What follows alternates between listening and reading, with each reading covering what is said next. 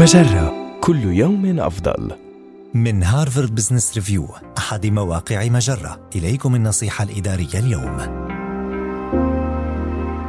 خطط الآن للنصف الثاني من حياتك المهنية. بينما نتسلق السلم الإداري في الشركة يصل الكثير إلى نقطة يتساءلون فيها. إلى أين سأتجه بعد الآن؟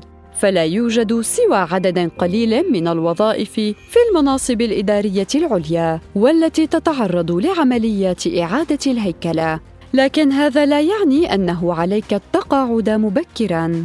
ضع المفاهيم التالية نصب عينيك لبناء النصف الثاني من حياتك المهنية. اولا اعمل على تنمية روح ريادة الأعمال لديك. حتى لو لم تكن تنوي بدء مشروع تجاري. فكر في حياتك المهنية. كما لو كانت شركة ناشئة ما المشاكل التي تشعر بالحماس لحلها وتجد نفسك قادرا على حلها؟ ومن جمهورك المستهدف؟ وما الطريقة الأكثر فاعلية لتقديم خدماتك لهم؟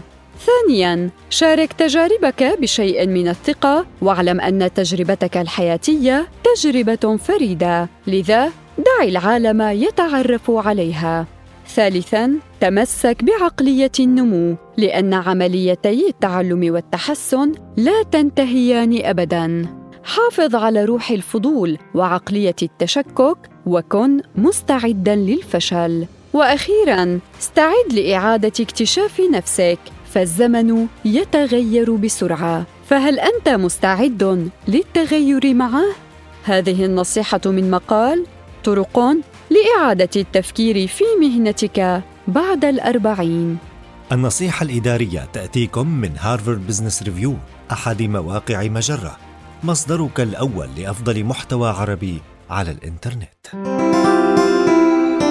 مجرة كل يوم أفضل.